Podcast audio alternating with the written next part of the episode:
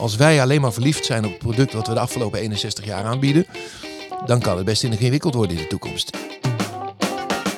Welkom bij deze podcast van het Klantcontact Café. Het inspirerende mediaplatform voor klantcontactprofessionals uit Nederland en België.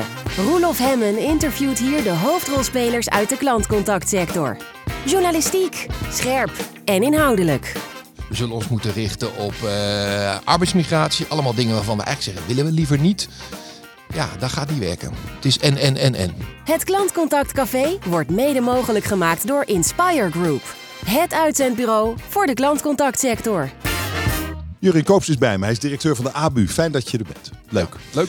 Uh, er is redelijk goed nieuws te bespreken, maar het is niet alleen maar halleluja, want de hele flexwerkdiscussie blijft maar doorsudderen. En dat is vervelend voor de uitzendbranche, toch? Ja, de discussie is eigenlijk een beetje van alle dag wel. Wij, bestaan, wij bestonden vorige week 62 eh, jaar. En eigenlijk is het 62 jaar discussie over het wel of niet zijn van uitzendwerk. Uh, was eigenlijk in de jaren 80 al, jaren 90. We dachten dat het even weg was in het begin van deze eeuw. Maar het is er nog steeds. En het is drie jaar geleden dat Borstlab eh, zijn advies produceerde. Waarin hij belangrijke aanbevelingen deed voor de hervorming van de arbeidsmarkt. En we zijn drie jaar verder. En er zijn twee brieven gestuurd door de minister. Dit is merkwaardig. Gaan we straks over praten. Uh, eerst even de cijfers over het afgelopen jaar. Het goede nieuws is dat de omzet van de uitzendbranche is gegroeid. Met hoeveel? Wat zijn de getallen? Wat, wat vind jij er interessant aan? Uh, nou, kijk, wij zijn in, uh, in omzet zijn wij met 3% gegroeid in 2022. Ja. Maar in uren kachelen we wat achteruit. 6%? Ja. Nou, dat betekent dat uiteindelijk uitzenders hogere tarieven zijn gaan vragen. Ik hoop dat er her en der ook wat hogere marges in zitten, zodat ze ook iets meer aan hebben kunnen verdienen. Maar in ieder geval zijn er hogere tarieven. En uh, wat je eigenlijk ziet in de cijfers 2022 is de economische werkelijkheid die daarachter schuil gaat. Want 2021 was echt een piekjaar. En dat was ook een piekjaar, omdat dat het jaar was waarin uitzenders sterker stelden van corona. Hele grote bijdrage leverden aan alles wat er rondom de vaccinatiestraten en de teststraat en dergelijke. Dat was 40, 50.000 uitzendkrachten extra in een jaar in 2021. Als je dan 2022 gaat vergelijken met 2021, hou je dat groeipad niet vast. Dus die bubbel is eruit.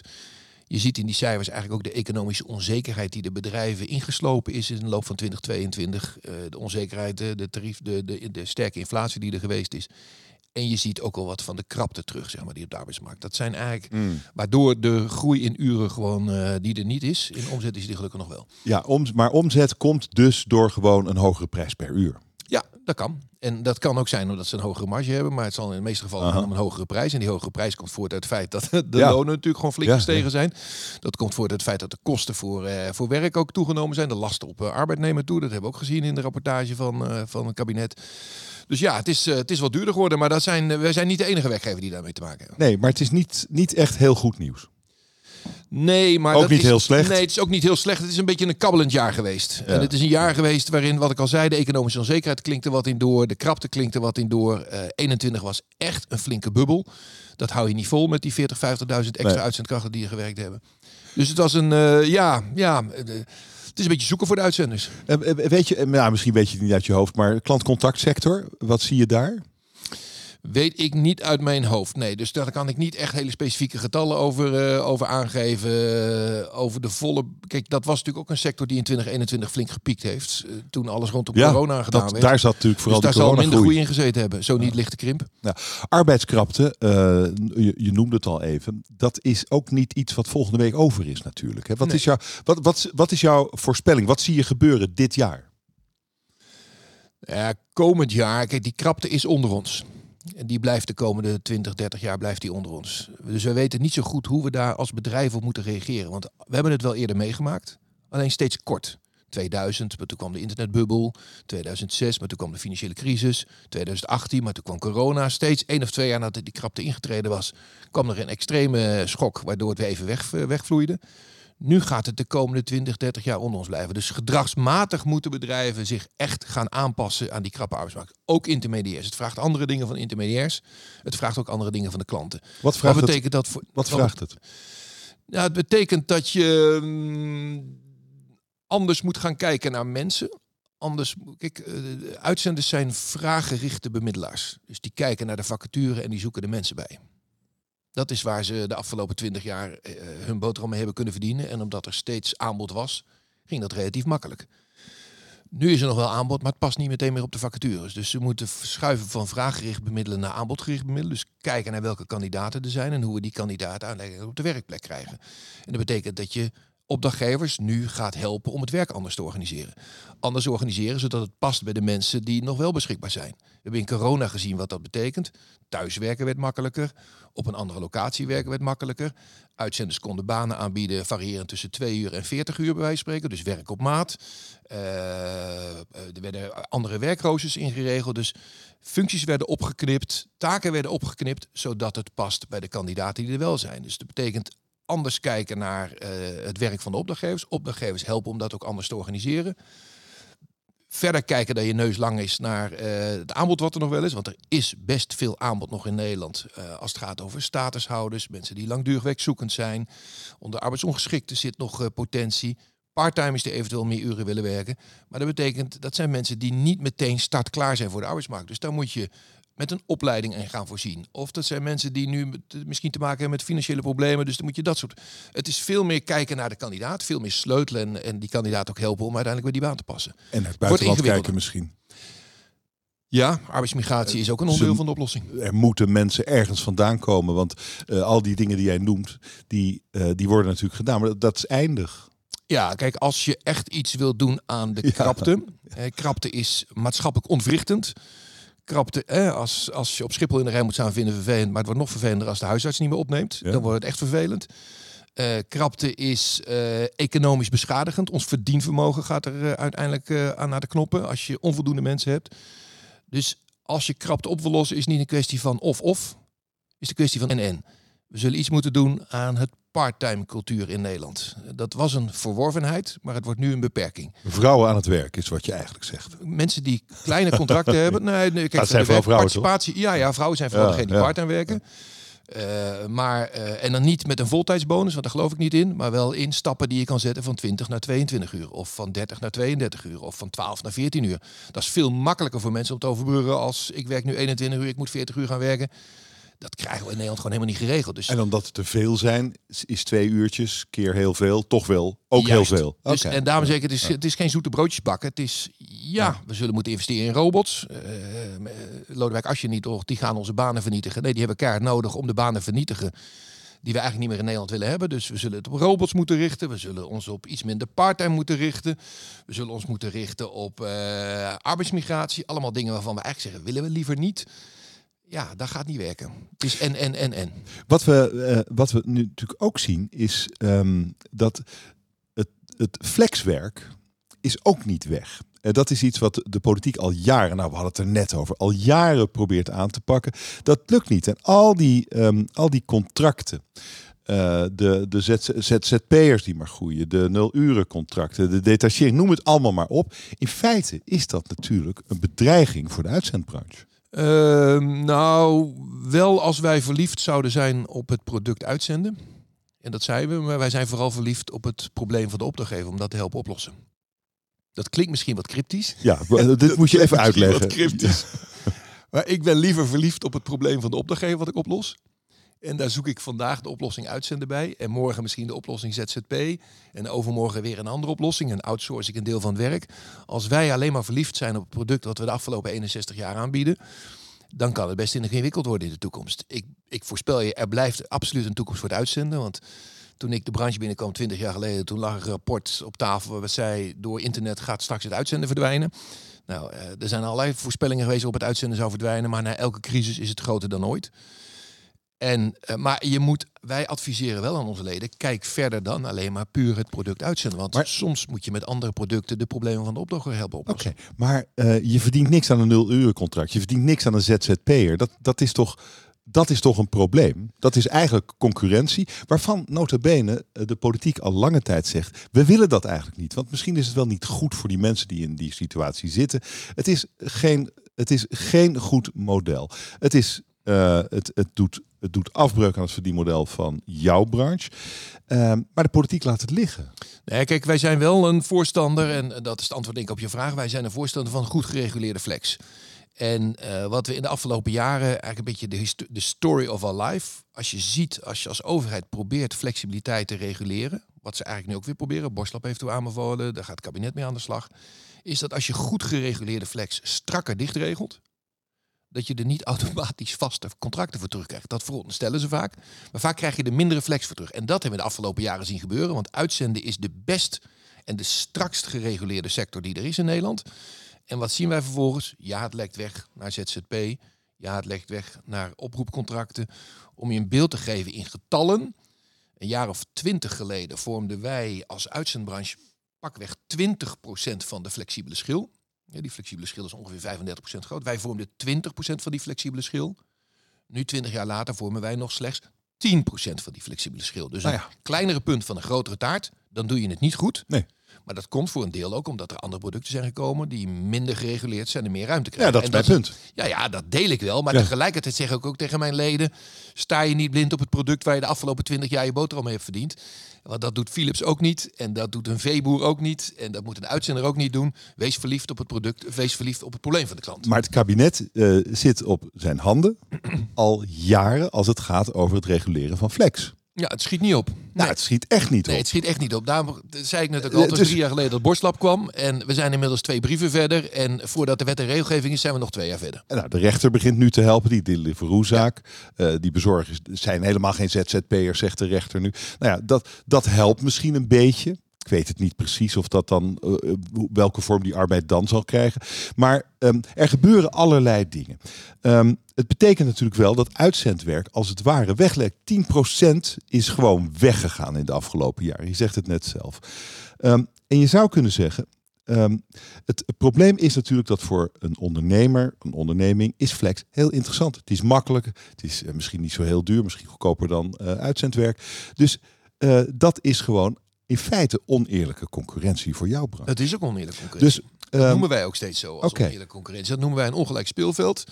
En op dat ongelijke speelveld doen partijen nu zaken die zich aan andere regels hoeven te houden als wij anders hoeven te houden. En dat is oneerlijke concurrentie. Maar Dan het komt misschien ook wel doordat er eh, aan een vast contract ook allerlei eh, eh, eh, problemen leveren voor een leven voor een onderneming. Eh, je, Nederland is het enige land waar je een zieke werknemer twee jaar moet doorbetalen, om maar wat te noemen. Eh, de, je kunt je, kun je tegen verzekeren, ga je dan zeggen, ja tuurlijk, maar het kost hartstikke veel geld. En als je heel veel mensen hebt, dan doe je dat niet, dan pak je gewoon het, het verlies. Eh, dan heb je ook nog een hoog ziekteverzuim, wat natuurlijk ook niet helpt. 5% zitten we op en het groeit. Dit zijn allemaal, ehm, allemaal beletsels voor, voor ondernemingen om mensen in vaste dienst te nemen, kan ik me voorstellen. Zeker. Z- zit daar niet ook een deel van de oplossing van het flexprobleem? Nou ja, kijk, dat is natuurlijk wel wat Borstlab eh, in zijn advies, eh, waar we ook teruggrijpen en waar de SER in het eh, middellange termijn advies in 2021 eigenlijk op wees. Als je wil gaan reguleren, doe het dan aan twee kanten tegelijkertijd. Zorg dan voor dat je flex een beetje minder flex maakt, iets strakker dichtregelt. En zorg ervoor dat je het vaste contract opener maakt, flexibeler maakt, zodat bedrijven uiteindelijk kunnen bewegen. Want Gebeurt ook allemaal niet. Nou, de, de, kijk, de minister is eh, hard bezig en die gaat binnenkort met een brief komen. En ik verwacht eigenlijk in de loop van, nou deze maand zal het niet meer zijn, maar in de loop van komende maand, waarin ze haar eh, concrete ideeën vanuit het regeerakkoord uitgewerkt heeft en op tafel legt. Dat gaat vervolgens nog wel twee jaar duren voordat het ingevoerd is. De essentie daarvan is toch wel een beetje sleutel aan het vaste contract en sleutel aan het flexibele contract. Maar vergeet niet, Roelof, er zit achter die flex zitten, zitten drie grote trends. Het is één, de behoefte van bedrijven aan wendbaarheid. Die is onherroepelijk groot. Na een financiële crisis zijn bedrijven zich echt helemaal te pletten geschrokken dat het echt gewoon radicaal mis kan gaan. En iedereen schoot op de handrem. Na coronacrisis heb je gezien dat het nog ernstiger kan. En na elke grote crisis bouwen bedrijven in beginsel een grotere flexschil. Vlak voor de coronacrisis deden wij een onderzoek onder bedrijven. Dat was opvallend, want die week eigenlijk af van die trend. Toen deden wij een onderzoek onder opdrachtgevers, dus onder de klanten van onze leden. Naar hoe zij aankijken tegen het organiseren van de wendbaarheid van hun bedrijf. Conclusie was, wendbaarheid wordt belangrijker dan ooit. Het arsenaal aan instrumenten om jouw bedrijf flexibel te maken, willen ze ook groter maken dan ooit. Variërend van functieroulatie tot de andere roostersystemen tot inhuur van arbeid. Toen voorspelden de opdrachtgevers een minder grote flexibele schil. Omdat ze tegelijkertijd ook voelden dat de krapte er was. En ze de mensen sneller en vaker in eigen dienst wilden nemen. Alleen toen kwam corona eroverheen. En toen hebben bedrijven weer ervaren dat, het echt, dat ze echt zich de pleuris kunnen schikken. Zoals ze dat in 2008 ook deden. En dat leert dat die behoefte aan wendbaarheid groot is. Vergeet niet dat de jongeren, ik ben zelf vader van vier kinderen, allemaal rond de 20. Die werken echt anders dan dat jij en ik vroeger werkten toen we op zoek waren naar een baantje. Die vinden de flexibiliteit van de mobiele telefoon is het enige waar ze naar op zoek zijn. Drie klikken en ik wil bij mijn werk zijn. Niks geen gedoe van werkgeverschap. Niks geen gedoe van ingewikkeld ergens binnenlopen. Twee klikken en het moet er zijn. En de volgende klik moet betaald krijgen bij wijze van spreken. Nou, die dynamiek zit er ook achter.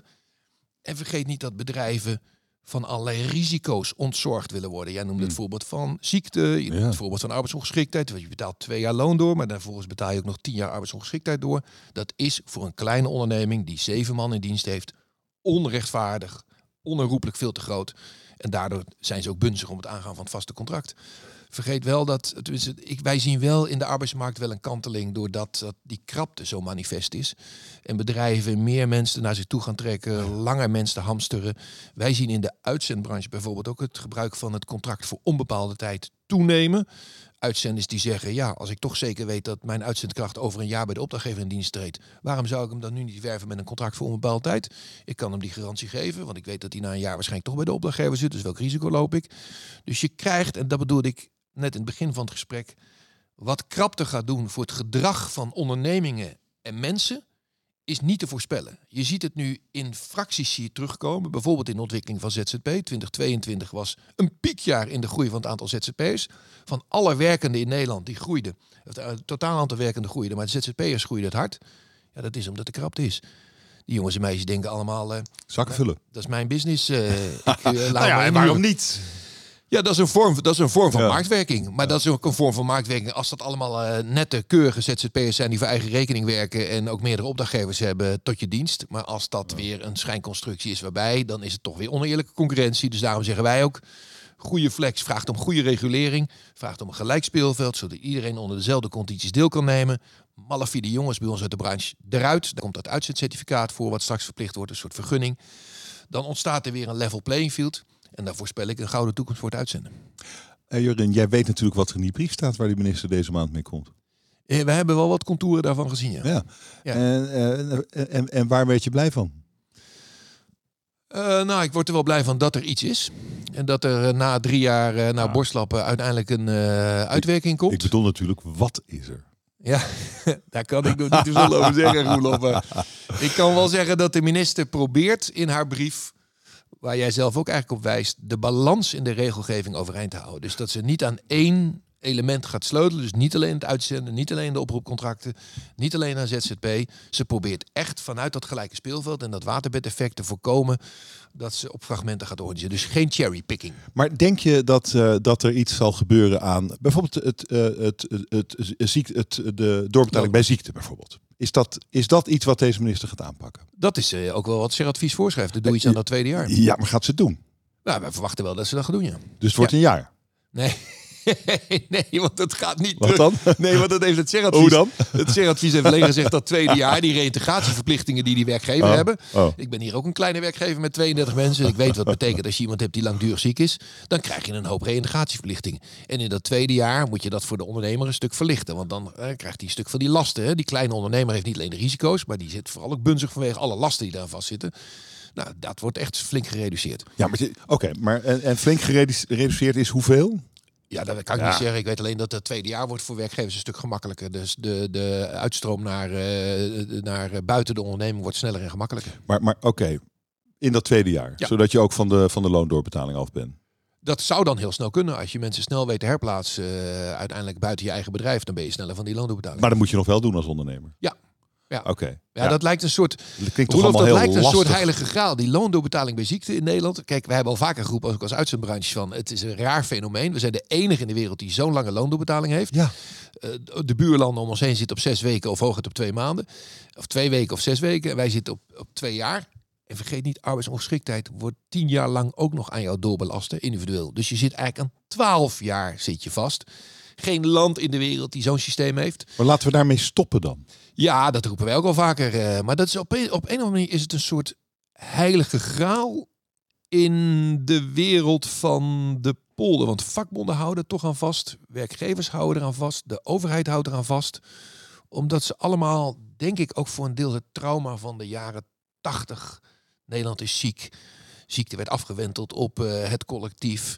Moest toen volledig geprivatiseerd worden. Eh, toen begonnen we met twee weken loon doorbetalen. Toen werd het zes weken loon doorbetalen. Toen werd het een jaar loon doorbetalen. Toen werd het twee jaar loon doorbetalen. En nu is het inmiddels twaalf jaar niet loon doorbetalen, maar twee jaar loon doorbetalen. En dan nog tien jaar arbeidsongeschiktheid. Het is een soort medicijn. Nou, Ja, je maar weet wat, je tegen weet wat er ziekte- gebeurt. Als jij te lang hetzelfde medicijn gebruikt, dan krijg je bijeffecten. En het is een medicijn tegen een ziekte die er niet meer is. We hebben, een, een, we hebben natuurlijk we hebben een waanzinnige krapte op de arbeidsmarkt. En, Ja. en, men- eh, en mensen willen ook, mensen kunnen ook. Het, Maar dus, kijk, daar dit zit is ook- toch... De keerzijde van is, Lo- Roelof, in de gesprekken die je voert over die loondoorbetaling bij ziekte, is dat degene die daar een groot voorstander van zijn, die zeggen, luister, het ziekteverzuim in Nederland is op een gematigd niveau, omdat we dit systeem hebben. Ja, 5 procent. Ja. En, en het groeit.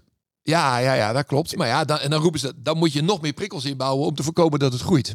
Daar zit een soort, daar zit een soort eh Maar weet je, het, het, drogredenering in. Maar er zit, er zit natuurlijk in, ehm, in, in, in die langdurige ziekte, daar zitten ook heel veel onduidelijke ziektes.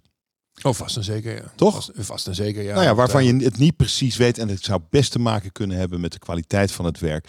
En op dit moment is er zo'n enorme krapte. Mensen kunnen gewoon weg. Doen ze ook. Er is, eh, er is die, die carousel eh, waar het vaak over gaat. Mensen kunnen gewoon weg. Dus waarom zou je dan zo lang in, in, in, een- in een soort van ziekte blijven hangen die eigenlijk te maken heeft met ongeluk in Ja. je werk? En dat, dit zou toch allemaal moeten, moeten, moeten worden opgelost in deze tijd. De ziekte bestaat niet meer. Nee, maar daarom gaan we ook zien wat krapte betekent op, voor de arbeidsmarkt op lange termijn. Hè? Welke gedragsverandering dat met zich mee gaat brengen. Welke wetten we dan nodig Ja. hebben om dat gedrag in goede banen te leiden. En kijk, vergeet niet, als mensen eh, langdurig ziek zijn, is de stap naar een andere werkgever niet makkelijk. Dat lijkt makkelijk, maar dat is niet makkelijk. Maar je kunt eerder. ja, je kunt eerder. En dat Je is kunt nou- het dat probleem voorkomen. En dat is nou precies wat de minister Ja, beoogt. Die beoogt te zeggen van eh, na een jaar moet je eigenlijk gewoon kunnen vaststellen, gaat het nog lukken binnen het bedrijf of niet. En anders sneller naar... eh, Maar denk jij dat dit het probleem van flexwerk oplost? Eh, welk, welke... Nou, het probleem van flexwerk is dat, dat, dat ondernemers niet zo eh, eh, happig zijn om mensen nou per nee, se in nee, dienst te nemen. door alles zou- wat we besproken hebben. nee, dan zou je... Dus dit lost dat ook niet op. Nee, want kijk, dan zou je veronderstellen dat een heel groot deel van de flex ontstaan is omdat we zoveel risico's aan het werkgeverschap gekoppeld hebben. Ja, werkgeverschap is ingewikkeld. Werkgeverschap is, is soms duur. Werkgeverschap is vol met risico's. Maar wendbaarheid van bedrijven is wel meer dan alleen maar dat risicomanagement. Wendbaarheid van bedrijven, dat is nou echt iets wat bedrijven door schade en schande, door die knappen van die internetbubbels en die twin towers, toen hebben we gezien wat het betekent. De financiële crisis, eh, nu corona. Bedrijven hebben echt door dat ze op de fles kunnen gaan als ze hun eigen wendbaarheid niet goed organiseren. En wat dat betreft was het, vonden wij bijzonder dat in coronatijd, toen bedrijven allemaal dicht moesten. En, of tenminste niet allemaal, een heel groot deel moest dicht. De flexschil voor een deel afgeschaald werd.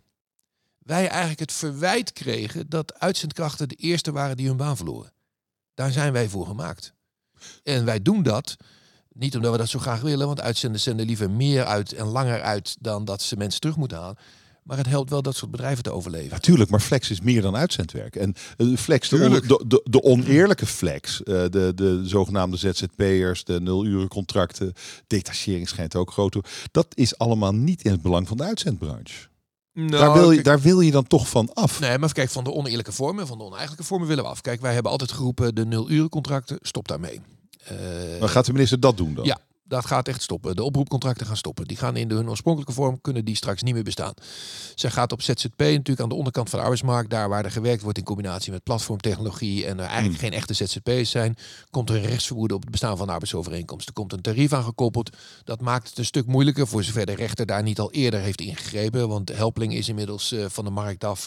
Temper staat onder, de, onder, de, onder vergrootglas. Deliveroo heeft het land verlaten. Dus je ziet dat die markt daar wel wat aan het verschuiven is. Dus de minister heeft echt het voornemen en gaat ook echt stappen zetten om die oneerlijke flex uit te bannen. Dat is niet alleen andere flex, maar dat is ook in onze sector soms malafide bedrijven. Het onderwerp arbeidsmigratie werd al even aangeraakt, waarbij bedrijven als een soort klaploper eh, in onze branche proberen een boterham te verdienen. Ja, dat helpt allemaal om het uitzenden in de toekomst ook eh, eh, een grotere toekomst te geven. Maar ik zeg tegelijkertijd tegen onze leden bij, denk na over wat die krappe arbeidsmarkt betekent. Denk na wat het betekent als je straks minder flexibiliteit in je contractsysteem hebt. Want je zult je denk na over hoe je om wil gaan met je eigen werkgeverschap. Want uiteindelijk wees niet verliefd op je eigen product, maar wees verliefd op het probleem van de opdrachtgever wat je helpt oplossen. Als je daar goed naar luistert, als je daar goed oog voor hebt, dan is het soms met uitzenden op te lossen. Soms met werving en selectie op te lossen, omdat die, omdat die werkgever zegt ik wil graag zelf in dienst nemen. Soms help je hem door het werk te helpen anders te organiseren, zodat je er eh, ook eh, een dienst kan leveren. Soms bied je een detacheringsproduct aan, omdat het aan de bovenkant van de markt zit en het heel kennisintensief is en projectmatig gedreven is. En bied je een ander product aan. Mijn leden zijn niet meer alleen maar altijd pure uitzenders.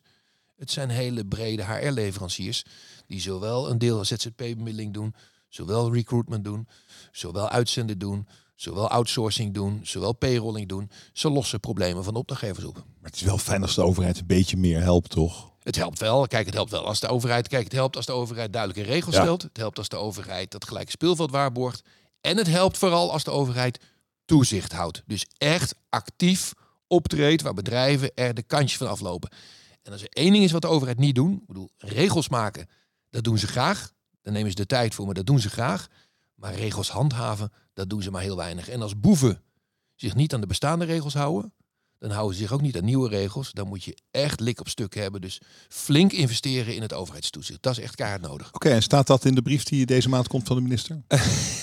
dat is een andere brief, eh, Roelof. Andere brief. Dat is de hele discussie die we hebben in onze branche over de certificering. Want wij worden Ja. uiteindelijk straks ook aan Ja, een ja, certificaat onderworpen. Vroeger in de jaren 90 was er een uitzendvergunning. Dat gaat straks vanaf Dat is 2025 natuurlijk prima. certificaat van het koren. Wij zijn er een groot voorstander van. Maar ook dan zeggen wij tegen de overheid... prima als er een certificaat komt.